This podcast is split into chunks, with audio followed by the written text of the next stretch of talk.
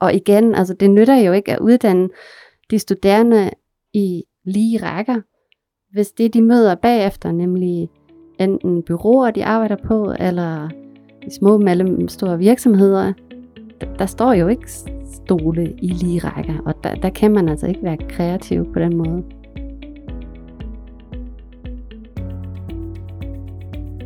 Laboratorium betyder et sted, hvor der arbejdes. Måske du også ser for dig et sted, hvor mennesker iført hvide kitler med blå latexhandsker udfører særlige eksperimenter i boblende reagensglas under dybt kontrollerede forhold. Men hvis det er et lab, skal man så overhovedet have et lab på et erhvervsakademi? Eller hvad er et lab på et erhvervsakademi? Og hvad er det labbet særligt kan som læringsrum her? Det er min mission at undersøge i denne podcast-serie. Mit navn er Anna Guldmann, jeg er læringskonsulent i Learning Lab på Københavns Erhvervsakademi, og jeg er din podcast vært. Måske du underviser, siden du lytter med her. Måske du underviser i et lab. Jeg er nysgerrig på, hvad du gør anderledes som underviser i labbet, end i det traditionelle klasselokale. Tager du kittel og handsker på, når du underviser i labbet? Indtager du en anden rolle som underviser? Og er der noget, du lukker ude, når du lukker døren til labbet? Og hvad er det, du lukker med ind? Og har rummet virkelig en betydning for, hvad de studerende kan lære? De spørgsmål søger jeg svar på i den her podcast-serie Læring i Labs. Jeg interviewer undervisere, labstaff på Københavns Erhvervsakademi og eksterne eksperter, der har det til fælles, at de ved noget om læring i labs. I de første tre episoder taler jeg med undervisere på KIAs uddannelsesområde digital for at blive klogere på, hvad læring i labs er her.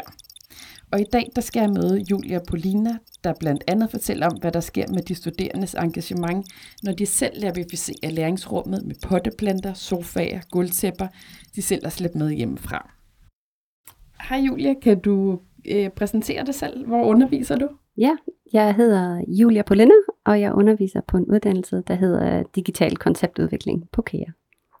Og kan du fortælle lidt mere om, hvad det er, du underviser i på uddannelsen? Ja, jeg underviser um, i to fagområder. Den ene hedder um, brugerundersøgelse og metode. Det lyder lidt tungt. På engelsk lyder det lidt mere spændende. Der hedder det user research. Og så underviser jeg på 6. semester i et fag, der hedder experience design. Og hvad, hvad uddanner I jeres dimittenter til? Hvad kommer de til at øh, løse opgaver og arbejde med? Ja. Jamen altså, det er jo den digitale branche. Digital øh, transformation er jo et buzzword i øjeblikket. Og så vi uddanner vores uh, studerende til at, at tænke digitalt. Altså, hvordan uh, kan, uh, kan vi skabe værdi gennem digital transformation til, til virksomheder? I introen, der var inde på, at laboratoriet eller labbet som læringsrum er et sted, man gerne lukker et særligt udsnit af verden ind og noget andet ude. Lad mig lige prøve at uddybe det billede lidt her øh, og den påstand. For måske er labbet som læringsrum et mellemrum. Det er et rum imellem det traditionelle klasseværelse øh, og erhvervets praksis, altså der, hvor dimittenderne de skal ud og arbejde bagefter. Det er et sted, hvor man eksperimenterer med noget, at patienten faktisk dør, eller forretningen går konkurs, eller produktionen fejler. Det er et sted, hvor man afprøver noget, man sætter noget på spil, for at opnå ny viden og se tingene med egne øjne og prøve dem med egne hænder. Kan du genkende det lab i din undervisning? Mm. Det, det, ja, det er et interessant spørgsmål. Altså nu, nu er vi jo her på KEA, og når, man, når jeg sådan tænker lab, så er det jo i, i nogle programområder er det jo meget mere tydeligt. Altså så tænker man en, en sygeværksted, eller, eller vi har som øh, ovenbo, eller har vi øh, smykkeværkstedet, så er det sådan ret tydeligt et lab, hvor man tænker, okay, her bliver dørene åbnet op til, til et rum, der ser helt anderledes ud end, end et klassisk klasselokale. Men øh, i vores verden, i den digitale verden, er det, er det jo ikke så tydeligt. Altså de studerende har, har deres computer med, og når de, når de skal arbejde digitalt, så, så forsvinder de jo lidt i, i deres skærm. Og der er måske også rodet ind i deres skærm, men på en anden måde end, end på en syværksted eller en smykkeværksted. Så nogle gange er det, er det måske i starten, at man tænker, øh, det, det ser ikke særlig kreativt ud. Og det er også lidt den udfordring, jeg står med nogle gange som underviser, at, at jeg egentlig kan se, at de studerende forsvinder i deres skærme, og jeg er ret altså, lukket ud af, af, hvad de laver. Så jeg skal faktisk rigtig gå hen og kigge over skuldrene, og det er jo, det er jo meget sådan måske også lige privat, at, at gå hen til skærmen og, og kigge ind, hvad er, det, hvad er det, du har gang i, og, og bede den studerende om at vise sine ting. Altså det er meget mere utydeligt, end, end når det er fysisk, fordi det foregår i den der firkant, altså man har stående foran sig. Så, så den udfordring i, sådan, i baghovedet prøver jeg altså sådan aktivt øh, at hente dem ud af skærmen på en eller anden måde.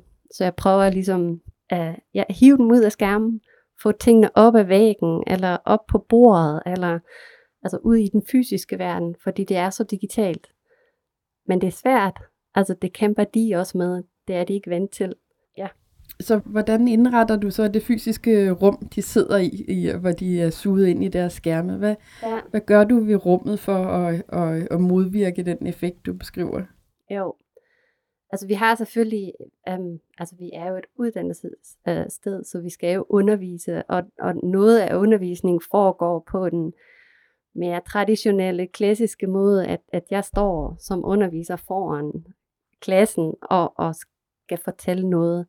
Men øhm, vi er på uddannelsen, og jeg skal virkelig sige, at vi er seks undervisere, som, som, som gør det her sammen som et stort indsats. Så vi, vi, vi har skabt sådan et univers, hvor vi hvor vi prøver at, at bryde med det her frontal undervisning, hvor vi, hvor vi deler dem op i grupperne, og øhm, jeg, kan, jeg kan lige fortælle måske om, om et specifikt forløb, jeg, jeg kommer i tanken om øh, lige nu.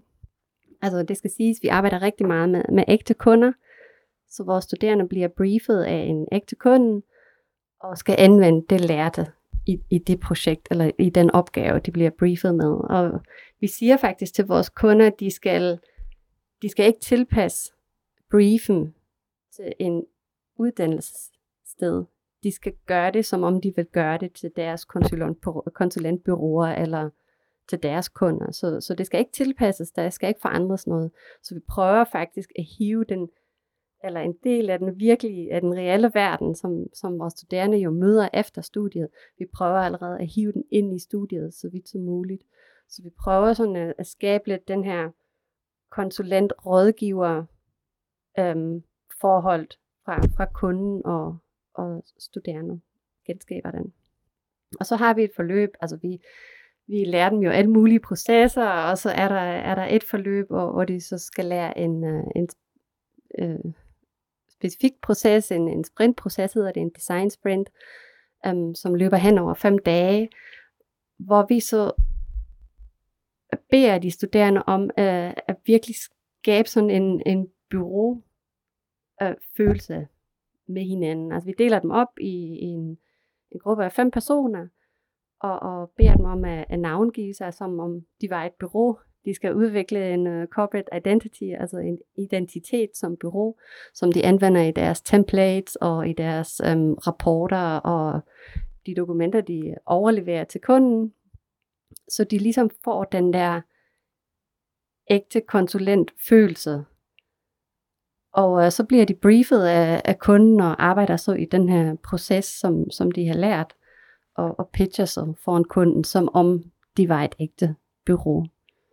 Og øhm, ikke nok med det, altså vi, vi opfordrer dem til at ligesom ja, ødelægge det, det her øhm, klassiske øhm, setup i et klasseværelse, hvor, hvor stolene og bordene står i lige rækker, og man bare kigger fremad. Nej, det, det gider vi ikke have.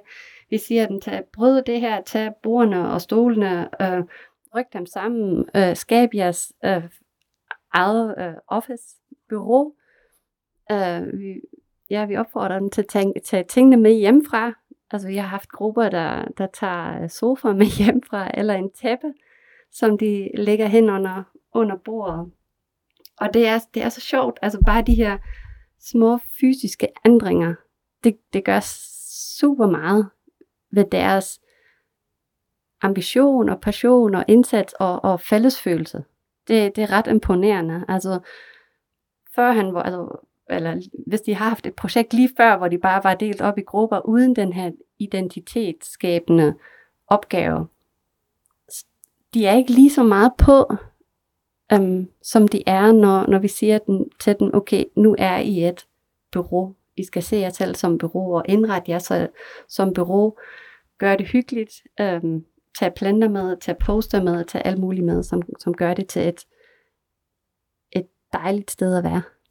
Så hvad gør det ved deres læring, at rummet er indrettet anderledes, og at de selv har, har, har indrettet det? Jo, altså det er jo sådan, altså nu har jeg jo ikke spurgt dem direkte, direkte men det jeg opfatter er jo, det er jo en helt anden form for ejerskab og øhm, sammenholdt, og altså de har skabt det samme. De skal jo også med hinanden fravælge nogle ting. Altså vi beder dem om, at okay, I skal udvikle et logo til jeres virksomhed, I skal, I skal udvikle den her identitet, så der opstår jo også konflikter. Alle synes jo, deres eget logo er måske det pæneste, og deres egen navn til bureauet er den bedste. Men allerede der skal man så som gruppe i fællesskab beslutte sig for, vi kan kun have et navn, og vi kan kun have et logo, og farverne skal være de her. Så, um, og en sofa. Præcis, ja, præcis. Så, så der, er, der er en anden form for åbenhed, på en eller anden måde, tænker jeg. Og øhm, også det der med, at ja, de ikke kommer ind i det her kedelige lokale med stole og bord, som står på den samme måde hver dag. Altså afveksling, jeg tror, det er sådan ret naturligt, at mennesker, ikke alle nu siger det generelt, men, men afveksling er jo bare interessant, og, og man bliver nysgerrig over, hvad, kommer der til at ske, og så er det også den her proces, som er meget aktivt, og, og de skal, skal selv tage øh, ja, processen lidt i hånden, det er faktisk en del af, af den her forløb, at, at alle i gruppen bliver projektledere på et tidspunkt. Vi bytter sådan lidt rundt, og alle får sådan en ansvarsrolle, og det er super, super lærerigt. Altså, de har meget stor succes med det her forløb.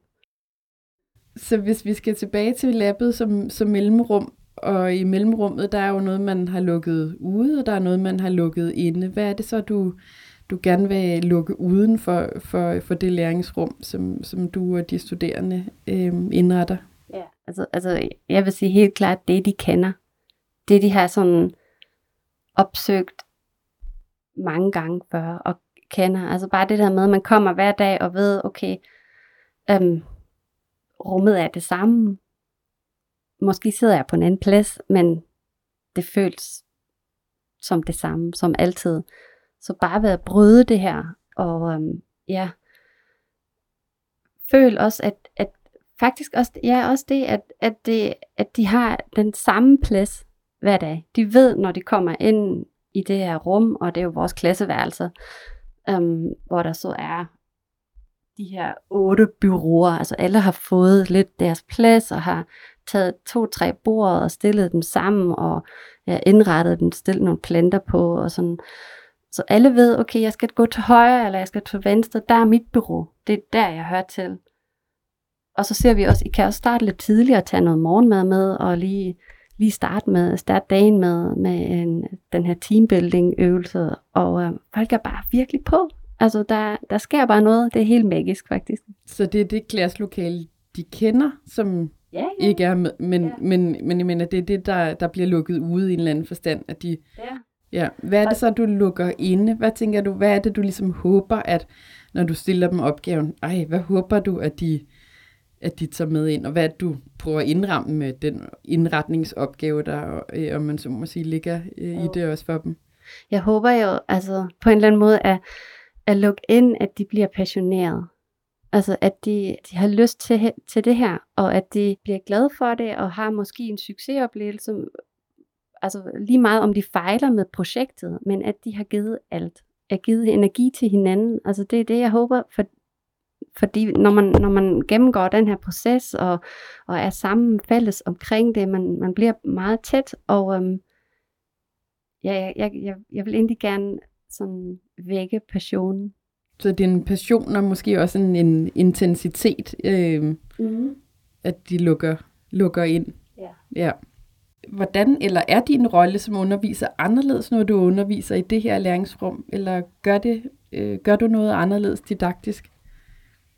Jo, det gør man jo. Altså, først og fremmest, så, så står jeg ikke for, foran dem. Altså, altså, jeg, jeg plejer også at gå rundt, mens jeg underviser frontalt, men øhm, alligevel, når rummet øhm, øhm, åbner op på den her måde, og, og vejene bliver nogle, nogle helt andre, fordi man har de her små byråer rundt omkring. Altså, man er jo, øh, jeg vil ikke sige på jo, man, man, man er meget mere, øh, hvis vi snakker hierarkier, eller jeg bliver meget mere deres, um, deres uh, coach og, og um, vejleder, og øh, jeg er jo meget åben for, for, hvad de kommer med. Altså, de kommer med super fede idéer, så jeg er slet ikke øhm, altså lukker ned for, for dem overhovedet. Så vi, vi er på lige fod, og jeg, jeg kan guide med min erfaring, men de kan lige så godt bidrage med deres idéer og deres øhm, ja, passion, som vi så opstår. Og øhm, man går meget mere rundt, man sidder meget mere skuldre mod skuldre, og er lige, træder lige ind i, i deres bureau, og øh, uh, hører lige, og lige pludselig er det også sådan noget, at med, at lige pludselig er der studerende, som måske plejer at være mere stille, de føler sig også mere tryg i det her, i det her lille lukkede, eller det er jo ikke lukket, men i det her mindre rum som, som bureau, hvor de måske fik lov til, var det deres logo, der blev udvalgt til, til bureauet eller et eller andet. Så der sker noget helt, helt bestemt. Og hvordan er relationen mellem dem imellem? Ændrer den sig også i det her læringsrum? Ja. Eller hvordan er... De kommer meget tæt. Um, ja, det bliver, altså, fordi også undervisnings, eller forløbet er meget intenst, og, og um, ja, design sprint forløbet har, har nogle deadlines, og ja, der gør, at, at man, man bliver tvunget, ja, at man bliver tvunget til, til at tale meget mere med hinanden, end man måske plejer at gøre. Der er nogle individuelle opgaver, hvor måske førhen eller i andre settings er det sådan, at, at de studerende siger, ej, gør du bare det her, og så tager jeg mig af det her. Så man mister jo nogen, fordi man kan jo ikke se, hvem der har lavet hvad. Men, men i det her forløb er det sådan, at så lige, lige pludselig skal alle tegne hver især, og så viser man sine tegninger til hinanden. Så på den måde um, gør det jo, at man, alle er meget mere med, og, og, og, og alle lægger mærke til, når du ikke er med. Så det gør jo også, at, at man som studerende måske også føler, at man, man skal være mere med, og man, man har lidt mere ansvar over for, for de andre. De føler sig mere forpligtet over for hinanden, end, Ja. ja, de føler sig meget forpligtet over på hinanden. Altså, øh, øh, som sagt, fordi det bliver så tydeligt, når du ikke er der, at du ikke er der. Fordi de er fem på byrådet. Du kan ikke bare ikke dukke op. Altså, det går simpelthen ikke. Så det er en intens uge for alle sammen, og en meget lærerig uge. Og, og jeg hver gang, nu har vi kørt det i et par år, jeg er hver gang altså virkelig glad, når, når, når projektet er, er færdigt, fordi de siger af sig selv, at nu har vi faktisk lyst at arbejde videre på det. Vi har fået feedback fra vores kunde. Kan vi ikke bruge nogle dage og in, altså integrere det feedback, vi har fået? Vi har lyst til at arbejde videre på det, og det er jo bare den, den bedste feedback, man kan få, altså hvis de selv har lyst til at arbejde videre på det, selvom det er slut.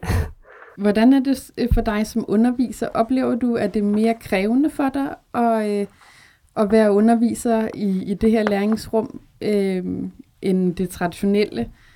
Eller er det mindre krævende, eller hvordan er det? Det tror jeg ikke, man, man kan sige på den måde. Det kræver nogle andre kompetencer fra mig. Altså, um, hvor jeg som frontal underviser skal være jo fagligt super skarp og være parat til at svare på spørgsmålene, eller også sige, at det skal jeg lige undersøge, fordi jeg kender faktisk selv ikke selv spørgsmål, øh, svaret, så er det i den her øh, lab-konstellation måske mere en, øh, en vært, altså hvor jeg også skal facilitere, og når der opstår måske gruppekonflikter, så skal man lige pludselig tage, tage en anden rolle, eller også igen være motivator, fordi der kommer også perioder, hvor man som bureau eller gruppe, øj, man er virkelig udbrændt. Det har været hårdt, og øh, Måske er man ikke tilfreds med det, man er kommet frem til, og så skal jeg jo træde ind og se det, og, og ligesom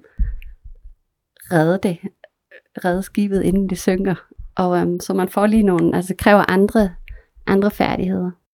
Hvis du skal prøve at lave sådan en lavkageinddeling imellem, hvad, hvad er det, det, det vigtigste for dig, at sådan et læringsrum udgør, og øh, i, i hvilket forhold, eller hvad er de gode ingredienser og, og fordelingen imellem dem. Hvordan vil du så fordele? Jeg tænker, at du beskriver både et fysisk rum, mm. du siger faktisk ikke rigtig noget om udstyr, men måske det alligevel er der, øh, og så din rolle som, som underviser. Ja. Hvordan vil du sådan fordele de, de tre ting? Hvad er det, der der gør det bedste læringsrum for dig? Ja, jeg har ikke sagt så meget om udstyr, men det er fordi, det, det havde jeg jo bare, det sådan, selvfølgelig er det jo der, ikke også? Altså, nu er det igen digitalt, så deres største udstyr del er jo nok øh, computeren. Um, men øh, som sagt, så, så prøver vi jo at bryde det lidt, og, um, og opfordrer virkelig til at skitsere rigtig meget, og tage tuscher med, og og tape og papir og op på væggen og alle de her ting. Så udstyr er der også, ud over computeren selvfølgelig. Og du siger, det er rum, underviseren, udstyr. Jamen altså, det synes jeg, nu er det let at sige, at det ikke lige fordelt, men, men det ved jeg faktisk ikke, om, om man sådan kan dele det op på den måde. Hvad tænker du, at de studerende vil sige? Vil de opleve øh, oplever de rummet som vigtigt? Altså er det for deres læring, at det er anderledes, end det plejer ja. at være? Rummet, ærligt talt, så tror jeg også, det betyder rigtig meget. Altså, fordi nu har vi på digital ikke sygemaskiner og stof og guld og perler og el, eller de der glas. Altså, det er jo lidt begrænset, hvad vi har. Men vi, er også, vi vil også have det sjovt, og, og sådan øh, have det hyggeligt, og, og derfor tror jeg, at rummet er utrolig vigtigt. Altså hvis jeg, hvis jeg kunne, gad jeg egentlig godt at indrette det endnu mere anderledes. Altså det vi gør, er jo også at tage på virksomhedsbesøg med, med vores hold, når det er muligt. Det er desværre ikke altid muligt. Men de byråer, som arbejder meget digitalt, der findes jo en, øh, altså en palette af forskellige nogle er sådan meget minimalistisk, hvor han andre er helt fancy med pingpongbordet og flipper og øh, cykler, som hænger op, og lille havehuse, der står, som er mødelokaler, og altså malet i pink. Altså de gør jo også et eller andet for at skabe en, en, øh, en atmosfære, der på en eller anden måde tiltrækker, er anderledes, fordi det digitale er ellers så meget inde i skærmen. Så vi skal gøre noget med rummet og lys og luften så det, så det bliver rart at være der.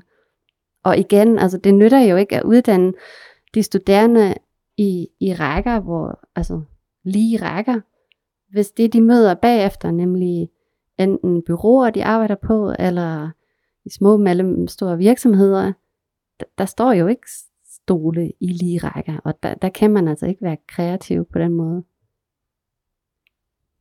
Det, øh, jeg kunne ikke være mere enig. Hvis vi har sådan forskellige, to forskellige typer af labs, og vi er sådan ude på den ene side af skalaen, der har vi sådan det klassiske naturvidenskab, ligesom at det er sådan skitserer i introen, hvor det er der, hvor vi har hvide kitler og øh, handsker på, og, og prøver at lukke verden fuldstændig ude for mm. at, at være for, så uforstyrret i at, at finde de helt rigtige processer, metoder og ingredienser. Og så på den anden side af skalaen har måske mere sådan et form for living lab, hvor det er, at vi er ude i felten, og vi snakker med de rigtige brugere, vi involverer de rigtige brugere så meget som muligt, og virkelig gerne vil påvirkes af, af, af, af praksis. Øhm, hvad tænker du så, er der, nu det lab du beskriver, der er det der, du vil gerne efterligne et, et bureau, ja. men er der en grænse, og i så fald, hvor går den? Er der, er der, tænker du, at der er et sted, hvor det ligesom bliver uhensigtsmæssigt, at det kommer til at ligne praksiserhvervet for meget, eller kan det ikke det? Godt spørgsmål.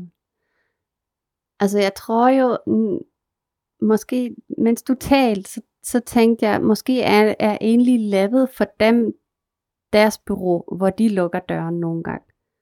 Så der er egentlig otte små labs i vores store undervisningslokale. Men det, ja, altså det her bare, det var altså bare sådan en kort tanke, jeg havde. Fordi vi vil jo også gerne, at de kommer ud af det rum, og som du siger, snakker med brugeren og sådan noget, så skal de jo træde derude. Det, hvor det nogle gange er, bliver sådan en gråzone, er jo, at i den virkelige verden har man meget mere kundekontakt, måske nogle gange på daglig base, hvor man fortæller kunden, vi er nået hertil, og så kommer der en sign-off, eller de siger, ej stop, I skal slet ikke gå den her vej, der har vi været. På den måde har vi det jo ikke som uddannelsesinstitution. De får en brief, og så møder de kunden igen til, til pitch. Nogle gange har vi en, et midtvejsmøde, hvis, hvis, hvis det er muligt for kunden. Men der er ligesom det her tomrum, hvor de studerende ikke rigtigt, de må gerne skrive en mail, men ellers ikke rigtigt har kontakt til kunden, og hvor de måske selv kæmper nogle gange lidt med, okay, jeg er på en uddannelsessituation, og det er nogle akademiske krav, jeg også skal opfylde. Jeg skal jo lære nogle modeller, og jeg skal anvende nogle ting, men kunden har måske brug for noget andet, og vores research har vist os, det er måske faktisk slet ikke den her vej, vi skal, eller kunden skal gå, så der kommer de nogle gange lidt i klemme og spørger mig jo så også. Altså vi havde sidste semester en kunde, øh, som gerne vil have en digital løsning, hvor de studerende gennem deres øh, brugerundersøgelse fandt ud af, det er faktisk overhovedet ikke det, brugerne efterspørger. De efterspørger noget helt andet. Men hvad skal man så? Kunden vil gerne have den her digitale løsning, men deres, altså deres, de studerendes research viser noget andet. Så der er jo lidt, ah, hvad, hvad skal vi gøre? Og så valgte de så at gå videre med ikke at komme med en digital løsning. Mm-hmm. Så var kunden jo utilfreds. Så der, der har vi nogle gange en clash, og det, det er nogle gange hårdt for, for de studerende at forstå, hvor vi så som undervisere igen træder i en rolle og kan forklare, eller nogle gange heller ikke kan forklare. Altså, mm-hmm. det, er jo, det er jo mennesker, man arbejder med, og det, det, det er meget forskelligt fra projekt til projekt, og det er jo også det, der gør det her så spændende, altså at vi arbejder hver semester med, med tre ægte kunder. Vi kender dem tit ikke selv, vi ringer dem op, eller vi bruger vores netværk, og så opstår der en mulighed, og, og projekterne er meget, meget ægte, og den ene kunde foretrækker ting, den anden slet ikke vil foretrække. Så de studerende er i mine øjne meget reelt forberedt til, hvad de møder mm-hmm. efter deres studie. Mm-hmm. Til sidst, Julia, så er jeg rigtig nysgerrig på at høre, øh, hvis du kunne ønske frit, hvad vil dit drømmelab være så? Hvad, mm. hvad er der i det lab, og hvad, hvad vil det være godt til, og hvad ja. skulle man lære der? Ja, altså, jeg, jeg kunne godt ønske, at øhm, altså vi har på KEA et, et tech lab, og nu er det digital øh, konceptudvikling, jeg underviser på, så der er jo teknologier involveret. Det er meget øhm, brugeren, teknologi og forretning, vi skal tage hensyn til. Og jeg synes nogle gange, den der teknologidel, på tysk siger man kommer lidt kort, det ved jeg ikke, om man kan sige på dansk. Men jeg, jeg kunne godt ønske, at der, altså lige nu er rummet ikke særlig indbydende til, til tekniske trends nye teknologier, så, så de studerende har måske lidt berøringsangsten nogle gange. Så jeg kunne godt ønske, at teknologi stod lidt mere frem og tilgængeligt. Det, det vil jeg ønske. Jeg har sådan et billede i hovedet. Jeg, jeg var på udveksling i, i Canada et par år siden, hvor der, hvor der bare stod alle mulige teknologi rundt omkring. Det kunne jeg måske godt forestille mig. Og, og lidt sådan, altså jeg er lidt, lidt mere ligesom på nogle af de her kreative bureauer med nogle fede ting rundt omkring. Jeg tror, det smitter sådan noget. Det, det gør det bare anderledes. Det er bare så fedt, når man går her gennem KEA og går forbi, går forbi en uh, sygeværksted og, og fashion design, alle deres stoffer, og det, det vil vi også gerne på digital. Altså at, at man tænker, wow, hvad, hvad foregår der her? Og ikke et kedeligt grå rum med sorte bord og sorte stol. Så det er et rum, hvor man kan se, hvad det er, at det skal bruges til. Ja, ja. helt klart. Mm. Rigtig spændende, Julia. Det var det sidste spørgsmål. Jeg synes, vi har været omkring rigtig mange spændende ting omkring uh, læringsrum. Så tusind tak, fordi du kom her. Ja, velbekomme. Det var godt. Tak, Anna. I næste episode skal vi høre Stefan Sten Grave, der underviser på multimediedesignуddannelsen på KIA Digital. Han fortæller blandt andet om, hvorfor han hellere vil have 50 mindre fancy mobile labs end et top-notch professionelt lab. Lyt med til den næste episode. Tak fordi du lyttede med i dag og på genhør.